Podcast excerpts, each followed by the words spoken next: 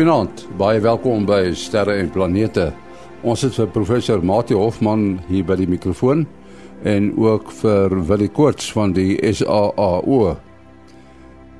Jy sal onthou dat ons verlede keer gesê het dat as u vra aan die span net kan u gerus dit aan ons stuur. U kan dit stuur aan my by maas.henny@gmail.com. maas.henny@gmail.com. Ons luister heel eers na Ruimte nuus wat geskryf is deur Herman Turin in Bloemfontein. 'n Mens kan met die hulp van 'n 20 cm teleskoop na Quasar 3C273 kyk. Dit is 1000 keer donkerder as wat 'n mens sonder die hulp van 'n teleskoop kan sien en is 2,5 miljard ligjare van die aarde af. Met 'n 2,5 meter teleskoop kan 'n Quasar gesien word wat 12 miljard ligjare weg is. 'n ligjaar is ongeveer 9 biljoen, oftewel 'n 9 Amerikaanse triljoen kilometer ver. Om 'n idee van so 'n afstand te kry, neem dit lig net 1,37 sekondes om van die maan na die aarde te trek. Die maan en aarde is so wat 380 000 km uitmekaar uit. As iets op die son gebeur, sal ons dit so 8 minute later sien. Dit neem lig tussen 3 en 20 minute om van Mars na die aarde te trek. Dit hang van die posisies van die twee planete teenoor mekaar af. Hierdie tydsverloop verklaar ook hoekom die Europese Ruimteagentskap hul Marskarretjies ontwerp om deels autonoom te kan ry. Om dit regstreeks van die aarde af te beheer is 'n tydsame proses. As die aarde en Mars op hulle verste punte van mekaar is en die Marskarretjie word regstreeks van die aarde af beheer, sou die karretjie eers 20 minute na die sein van die aarde afgestuur is daarop kan reageer. Sou die karretjie per ongeluk in 'n sloot gestuur word, sal die mense wat dit van die aarde af beheer, eers 40 minute later daarvan weet. Op 29 Mei verjaar sal dit presies 'n eeu gelede wees dat Sir Arthur Eddington Einstein se relativiteitsteorie bewys het deur 'n volledige sonsverduistering te gebruik. Tot in daardie stadium is die wetenskap deur Newton se teorie van universele gravitasie oorheers. Einstein het egter probleme met Newton se teorie gehad. Volgens Einstein het tyd en ruimte in 'n vierde dimensie, ruimtetyd, saamgevloei. Een aspek van Einstein se teorie was dat lig nie in 'n reguit lyn behoort te trek nie. Volgens Einstein se teorie moes lig twee keer soveel buig as wat Newton geglo het dit sal buig. Tot sover ruimte nuus. Nou ruimte weer. Hier is Kobus Olkers in Florida, Amerika. Goeienaand en goeienaand luisteraars. Ja, hier is ons aan die begin van 'n nuwe week met nog 'n ruimte weer voorspelling wat bitter min gaan bevat hierdie week want die son is baie stil. As ons nou kyk na 'n magnetogram van die son, dan sal ons sien die ehm uh, die magnetisme is baie mooi gelykmatig versprei oor die oppervlakte van die son. Baie noordpooltjies baie suidpooltjies en maar hulle kanselleer almal mekaar mooi uit en hulle is baie klein. Niemand kom by mekaar nie en dis het ons geen uh areas wat uh magnetiese uitbarstings of, of terwyl koronamassa uitbarstings uh, kan veroorsaak nie. Uh, dan het ons verder ook niks om oor te gesels wat as dit by filamente kom nie en dit is natuurlik ook omdat daar geen spesifieke sterk noordwaarts of suidwaarts gerigte areas is nie. Ja, en die filamente kom gewoonlik op die op die rande tussen die twee goed voor.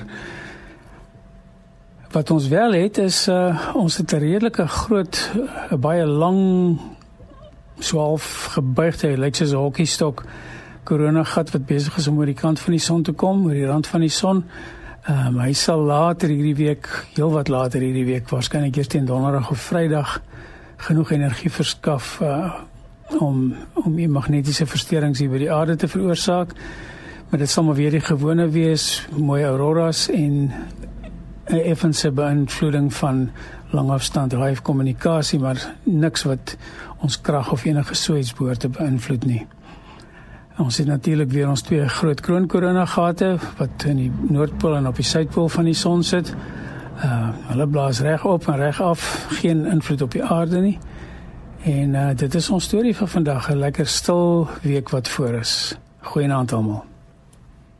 Dankie Kobus daar in Florida, Amerika. Soos ek gesê het, is uh Willie Koorts van die SAAO hier by ons.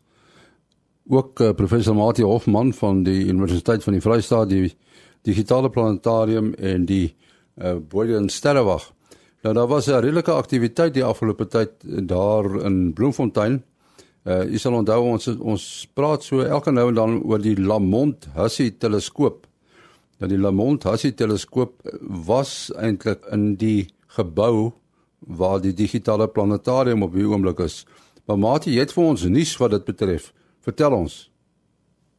Uh Henny in 1974 het die uh, Universiteit van Michigan die ou sterrewag op Neville Hill wat bekend was as die Lamont Hussey sterrewag uh, gesluit en in 1976 is die ou teleskoop ongelukkig afgehaal soort van weggegooi gelukkig is die baie waardevolle 27 duim deursnee lens teruggestuur vir bewaring uh, na Amerika en die teleskoop het basies tot niet gegaan. Nou dit was die grootste 'n eh, lensteleskoop in die suidelike halfrond. Met 27 duim is is is 'n groot deursnee.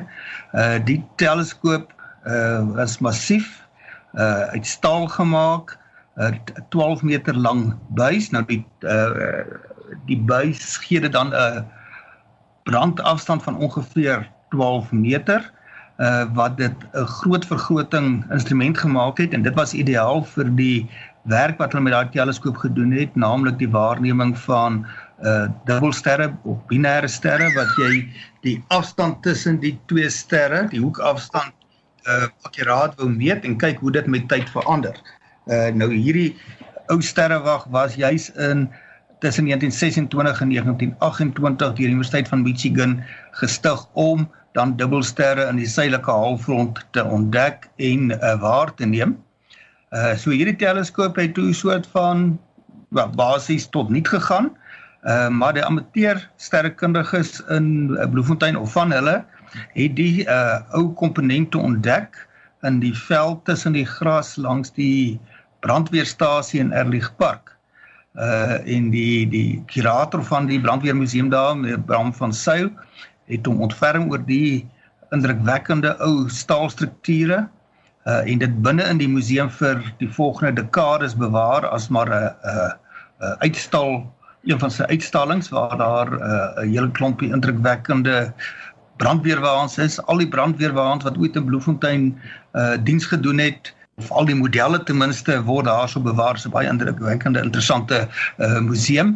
In elk geval begin laas jaar het ons toe nou toestemming gekry om die uh staalkomponente weer te laat uh weet uh, mooi maak uh, weet ek het nie dadelik die mooi Afrikaanse woord vir sandblasting nie uh om dit mooi die roesvry te kry en 'n baie goeie uh beskermende verflaag op te kry. Dit sluit die basis van die teleskoop met die radwerke in, die deklinasie as van die komponente het verlore gegaan wat ons weer uit staal laat maak het. Uh ons het fondse by uh ArcelorMittal, die staalmaatskappy gekry om 'n uh, bietjie die die die gebruik van staal en die die uh, langdurigheid, die lang lewe van die staal in die oog te bring. Die uh, koepel van die ou sterrewag natuurlik ook uit staal gemaak. Ehm um, en dit is danksy hierdie uh, groot donasie van hulle wat ons toe nou 'n projek kon loods om hierdie teleskoop as 'n landmerk net buite die, sy ou gebou uh, op te rig. En die oprigting het nou hierdie week geskied. Uh, op een gegeewe stadium was daar 3 hyskrane uh, ter sprake of kan ons sê 2 hyskrane plus 'n uh, sogenaamde cherry picker wat die ou mense daarbo moes uh, moes kon werk. So dis 'n indrukwekkende instrument Dis nou sonder sy uh, lens wat op uitstalling by die sterrekunde departement van die Universiteit van Michigan in in in in Aber is. Dit is ek is bly hulle dit daar op uitstalling, so hy gaan nou nie as 'n teleskoop gebruik kan word nie. Miskien eendag in die verre toekoms kan ons 'n volgende stap neem. Dit is net daar om vir die publiek te wys so hierdie teleskoop gelyk en uh weet die mense wat daardie teleskoop daar gestel het, Lamont en Hasie, uh om hulle uh 'n name in ere te hou. Dit Lamont uh was hulle was altyd ingenieurstudente en uh ingenieur en vriende dan ook by die Universiteit van Michigan en Lamont wou 'n suksesvolle en ryk sakeman word en Hasie wou 'n bekende sterrekundige word en dis presies wat gebeur het. En uh as studente het, het het hulle nou baie gesels oor oor hulle drome en uh, Lamont het vir Hasie beloof man as ek ooit ryk word sal ek vir jou 'n sterrewag vir jou navorsing iewers in die wêreld bou. En dis presies wat toe gebeur het. Dit het lank gevat vir die droom om waar te word. Uh en uh, uiteindelik van 1928 tot 1974 is daai teleskoop vir uh uh navorsing gebruik en vandag kan ons daai pragtige ou gebou uh, vir 'n digitale planetarium gebruik. Uh, ek neem aan julle uh, seker foto's gestuur van die oprigting en so aan aan uh, die Universiteit van Michigan. Ja, ja, hulle is baie opgewonde. Uh en natuurlik op ons uh, Facebook bladsy, die mense, ek sal op, op ons sterre en planete groep sal ek ook 'n bietjie van die foto's deel, maar mense kan maar op Facebook gaan soek na uh Naval Hill Planetarium en hulle sal by die foto's uitkom. En vir die mense wat in Bloemfontein is of van tyd tot tyd hier ry, uh Naval Hill is 'n interessante plek om te besoek met die wilde diere daar, die bokke, blou wilde beeste, kameelperde. Uh en nou is daar ook hierdie groot is amper soos 'n groot standbeeld wat die mense na kan gaan kyk. Dit is regtig uh, esteties baie uh, aanskoulik en indrukwekkend. En nou moet ons 'n gedagte hou, die mense het dit met ou tegnologie gebou en uh, dit gee mense net 'n klomp respek vir wat die mense dekades gelede kon, kon gedoen het met baie minder tegnologie tot hulle beskikking as nou want ons so groot struktuur met groot boute en uh, al die geassosieerde groot gereedskap daarbo in die lug aan mekaar te sit is baie baie ingewikkelder en moeiliker as wat ons in ons alledaagse lewe mee te doen kry. Baie uh, 'n baie goeie span hier gehad van die universiteit, my kollegas by fisika en dan die instrumentasie afdeling by die universiteit plus privaat kontrakteurs wat hulle van tyd tot tyd uh, ingebring het. Ja, as ek dit nie mis dit nie, is dit nog voor uh, dat uh welding uh, ontdek is, so uh, is dit nie nog met klinknaals die ding aan mekaar nie, is of is al is hy al daar geweld al. Uh, nee, daar's uh, baie klinknaals in en dan natuurlik groot boute. So daai uh, instrument was baie solied en wat ook, ook indrukwekkend is, dis 'n groot staalstruktuur dat ook aan die einde van die dag moet hy baie akkuraat gerig kon word. So moet hy moet ook met presisie gebou kan word.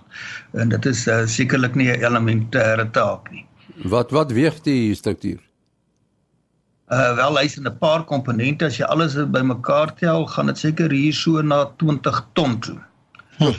Ja. Wil ek wil vir jou vra, daar's binnekort weer 'n maansverluistering, maar 'n besondere een wat ons hier in Suid-Afrika nie gaan sien nie.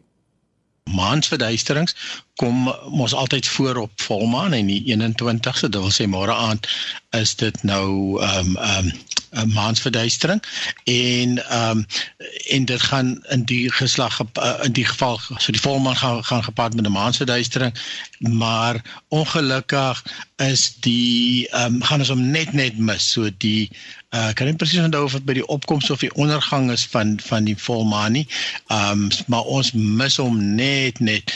Maar ons het mos darm gelukkig ons beeld ons ons beeld gehad nou nou verlede jaar Julie uh wat dit eintlik nou nog beter was waar hy uh, hierdie ene mis die middelpunt van die aarde se skade wie met so klein bietjie.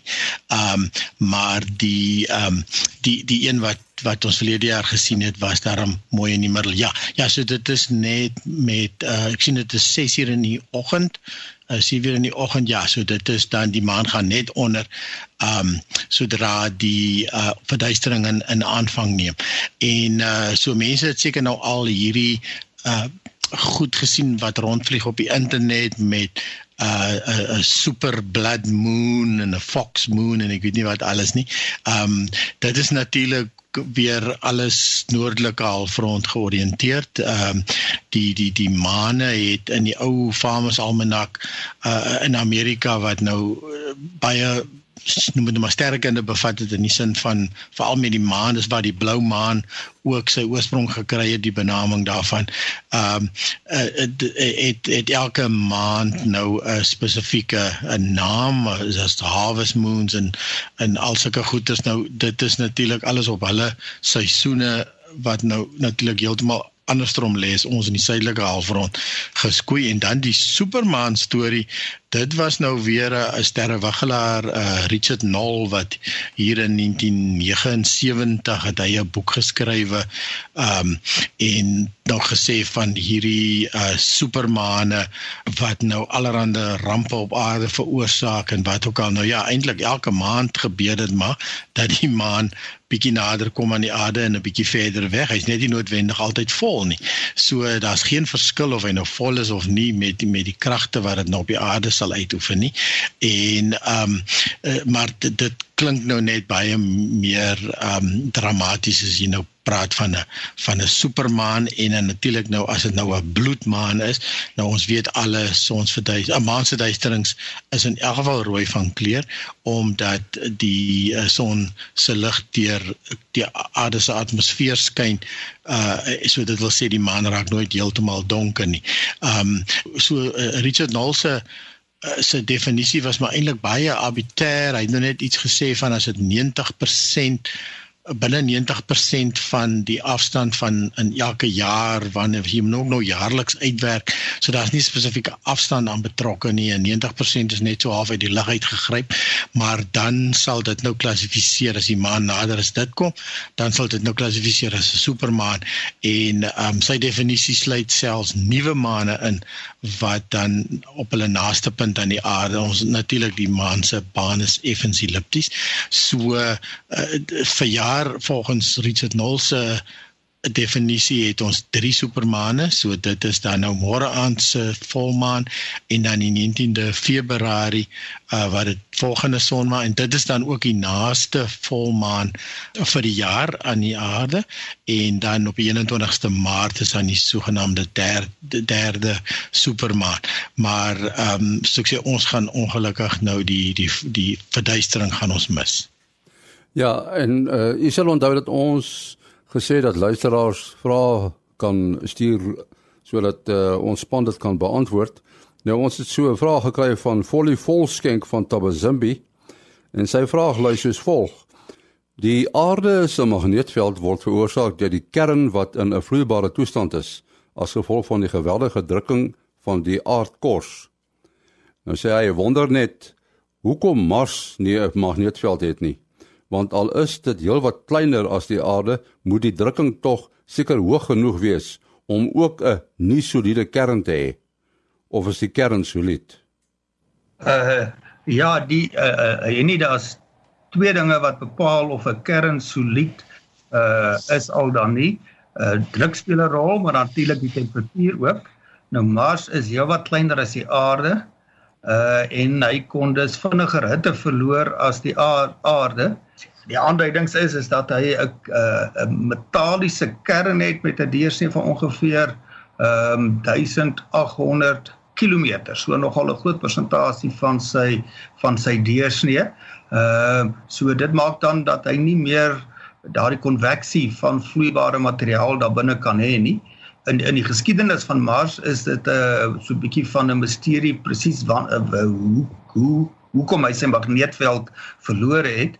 Die op stadium met die konveksie uh, of was dit nou nog gesmeld gewees uh, blykbaar afgeskakel en dit kan te doen uh, hê met uh, onder andere waterstof wat 'n uh, invloed uh, gehad het gemeng het met die materiaal die yster uh, gesmelte yster uh, ek is presies seker hoe die uh, chemie daarvan sou kon gewerk het en hoekom dit nou die uh, konveksie tot 'n einde kon bring nie maar daai konveksie van gesmelte materiaal is wat vir jou die beweging gee van 'n uh, uh, materiaal wat gelaai kan wees, wat geioniseer kan wees uh, by hoë temperature. En wanneer jy bewegende ladings het, kry jy 'n magneetveld.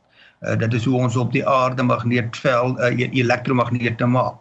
Jy gebruik elektriese stroom, sterk elektriese strome in in uh, lisse en dan kan jy elektro uh elektromagnete maak en dit speel 'n groot rol in die opwekking van elektrisiteit en uh uh as jy nie groot genoeg permanente magnete het nie, moet jy dan elektromagnete maak. En as jy nou 'n magneet het, of dit nou 'n elektro uh, elektromagneet of 'n permanente magneet het en jy gebruik uh, jy roteer dit binne in 'n spoel of jy roteer 'n spoel uh daar rondom, dan indiseer jy uh elektriese stroom en dit is hoe ons kan krag uh opwek. So mense kan hierdie beginsels in mensgemaakte uh apparate gebruik, maar hierdie prosesse uh, vind natuurlik in groot uh natuurlike sisteme uh ook plaas. Ehm um, ons sê 'n natuurlike masjiene uh maar baie groter as die skaal waarop mense dit kan doen. Nou die feit dat Mars nie 'n magneetveld uh het nie dat op 'n stadium verloor het 'n uh, dramatiese gevolg gehad en dit is dat dit nie meer die uh sonwind kon afskerm nie. Dit is 'n belangrike rol wat 'n magneetveld vir 'n planeet kan speel soos vir die aarde. Uh en dan kom daardie stroom geleide energieke deeltjies van die son ongehinderd daar by die planeet uit en dit dryf die atmosfeer weg en dit is uh, blykbaar wat met Mars gebeur het. Nou is die atmosfeer wat daaroor is maar 1/100ste die digtheid uh, uh, of druk van die uh, aarde se atmosfeer. Uh die interessante ding is dat uh, NASA het so 'n uh, baie ambisieuse idee, seker nie veel meer as 'n idee nie, maar hulle kan berekeninge doen, hulle kan op klein skaal idee toets, uh is om 'n kunsmatige magneetveld op 'n groot genoeg skaal tussen die son en Mars te kan skep om dan uh Mars te kan beskerm teen die sonwind en as dit eers gebeur dan sal Mars se atmosfeer weer uh opbou deur gasse wat uit die planeet uh, vrygestel word. En dit kan uh hopelik lei tot die sogenaamde uh, terra uh forming uh van Mars uh, om dit weer uh, bewoonbaar te maak om dit atmosfeer te gee, hulle beraam hulle sal tot op 'n uh atmosfeer kan kry van die helfte van die aarde se se digtheid. En as dit eers die geval is, kan jy weer vloeibare water daar kry. So is nog 'n belangrike kwessie die die die, die samehang tussen die afwesigheid van 'n magneetveld en die afwesigheid van 'n uh, atmosfeer in die geval van Mars. Ja, want mense dink nie altyd daaraan nie dat daar 'n soort sogenaamde uitgassing van uh, vanaf die die binne die grond kan jy maar sê. So dit is interessant ja dat jy dat jy net deur 'n magneetveld uh die die sonwind afskerm en en en 'n klein atmosfeertjie opbou. So die uh, samestelling van so 'n atmosfeer wat natuurlik dan gaan vorm gaan seker dan van baie dinge afhang want dit hang seker af wat is in die grond te uh, teenwoorde. So het hulle al 'n al alle idee van van watse tipe gasse sal vorm?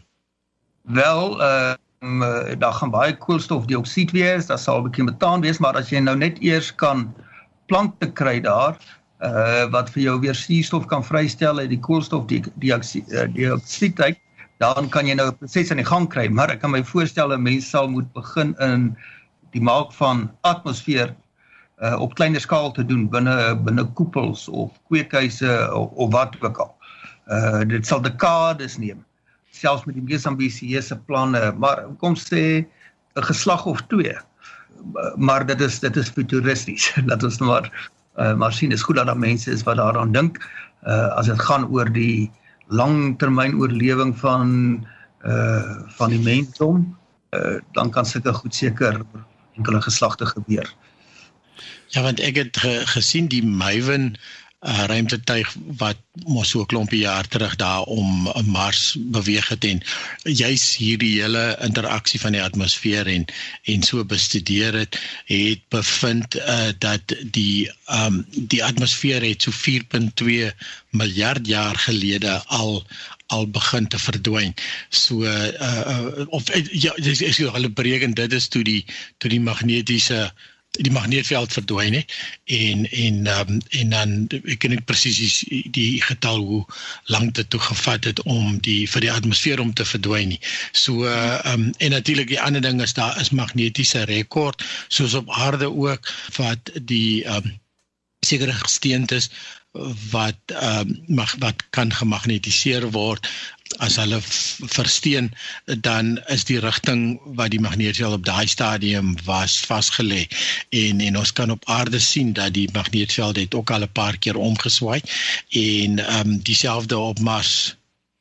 Hmm. Ja, hier is nou op die oomblik hierdie uh, amper alarmistiese uh, berigte wat die rondte doen oor die aarde se uh, magneetveld wat nou so vinnig verander veral die die posisie van die uh, noordpool Ehm um, en dan word ook gesê wel dit is so al uh, onverwags ten minste die rigting waarin dit verander en die spoed waarteen dit verander. Uh nou so die magneetveld uh van 'n planeet is 'n ingewikkelde ding want dit hang af van die konveksiestrome hier in sy binnekant. En nou mense nou graag wou dink aan 'n planeet as 'n perfekte uh, ronde bal en dan jy nou 'n perfekte ronde sfeer van gesmelte homogene materiaal wat daar binne roteer.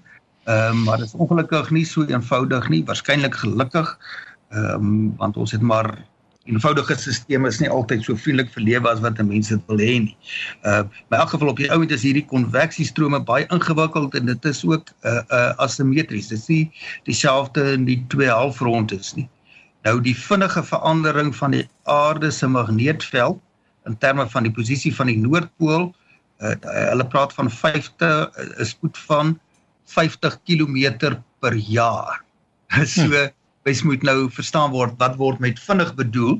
So as jy nou gaan kyk oor die afgelope eeu, uh vanaf sê ongeveer 1910, uh het die magnetiese noordpool daar uit die uh kom ons sê die ooskus van Kanada uh geskuif nou na baie nader aan dit uh Siberië, Rusland en die uh Noordpool streek waar die uh by wyse van vergelyking die magnetiese suidpool het baie stadiger geskuif. Uh op die oomblik skuif dit teen so 10 km per jaar wat nou net die asimetrie wys. Mense sal nou dink die aarde moet 'n simmetriese magneet wees, maar uh hy is nie presies 'n simmetriese magneet nie en in die tyd waar uh, uh die dekades waar tydens 'n omslag kan plaasvind van die magneetvelde ontstaan daar ook uh kleiner magneetvelde analoog maar nie op dieselfde skaal as wat by die son gebeur nie. Dis nie altyd dat jy net een baie sterk noordpool en een baie sterk suidpool het nie. Jy kan op kleiner skaal kan jy uh uh, uh ander noord en suidpool hê. Uh en uiteindelik die kollektiewe effek vir al hierdie magneet uh uh uh, pole gaan vir jou dan 'n meer globale effek gee wat jy nou met die globale magneetveld van 'n planeet assosieer. Ek weet nie hoekom hulle so bekommerd is nie want ek sien die uh, die die magnetiese pool beweeg nou nader aan die aan die regte pool. So dit is is eintlik of die twee meer begin oplei net net 'n interessante ding Ogallis die uh, Kaap Ogallis die die suidste punt van Afrika. Ogallis uh, as ek reg onthou beteken die baai van naalde. En uh, dit is uh, destyds toe die eerste seevaarders daar omgevaar het. So hulle het nou nog nie die 'n luksheid gehad van vandag se seevaarders wat 'n hele magnetiese kaart van die aarde het sodat hulle weet waar is die magnetiese afwyking op watter hoek nie. Ehm um, mense wat kaartlees gedoen het, sal onthou dat in die hoekie bo hoekie van die kaart is daar gewoonlik so 'n ehm 'n kaartjie wat vir jou verduidelik hoeveel is die magnetiese afwyking van waar en noord en en wat is die tempo uh, waarteen dit verander en uh, so seevaarders gebruik of weer mense wat die hele oseaan en die ehm um, wêreld navigeer uh um het hierdie inligting op hulle op hulle vingertips maar die eerste seevaarders moes dit self bepaal. So hulle moes self uitwerk wat is regtig magnetiese noord en en en wat is ware noord. En en soos hulle rondvaar wat uh, uh, skuif die uh magnetiese noord die heeltyd en uh, toe hulle by Saldanha ag by um Ogallis gekom het het uh, was die afwyking heeltemal nul op daardie stadium. So uh, dit is waar die naam Ogallis wat blykbaar 'n uh, uh, baie van naalde beteken uh om te sê hier was die magnetiese afwyking nul gewees. Ons moet afsluit ongelukkig. Maatie, wat is jou besonderhede? Uh selfoonnommer 083 625 7154. 0836257154.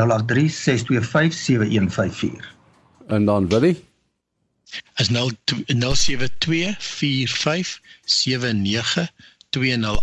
0724579208. En uh, my e-posadres is maas.henny@gmail.com. maas.henny@gmail.com. Volgende week praat ons weer. Tot dan, mooi loop.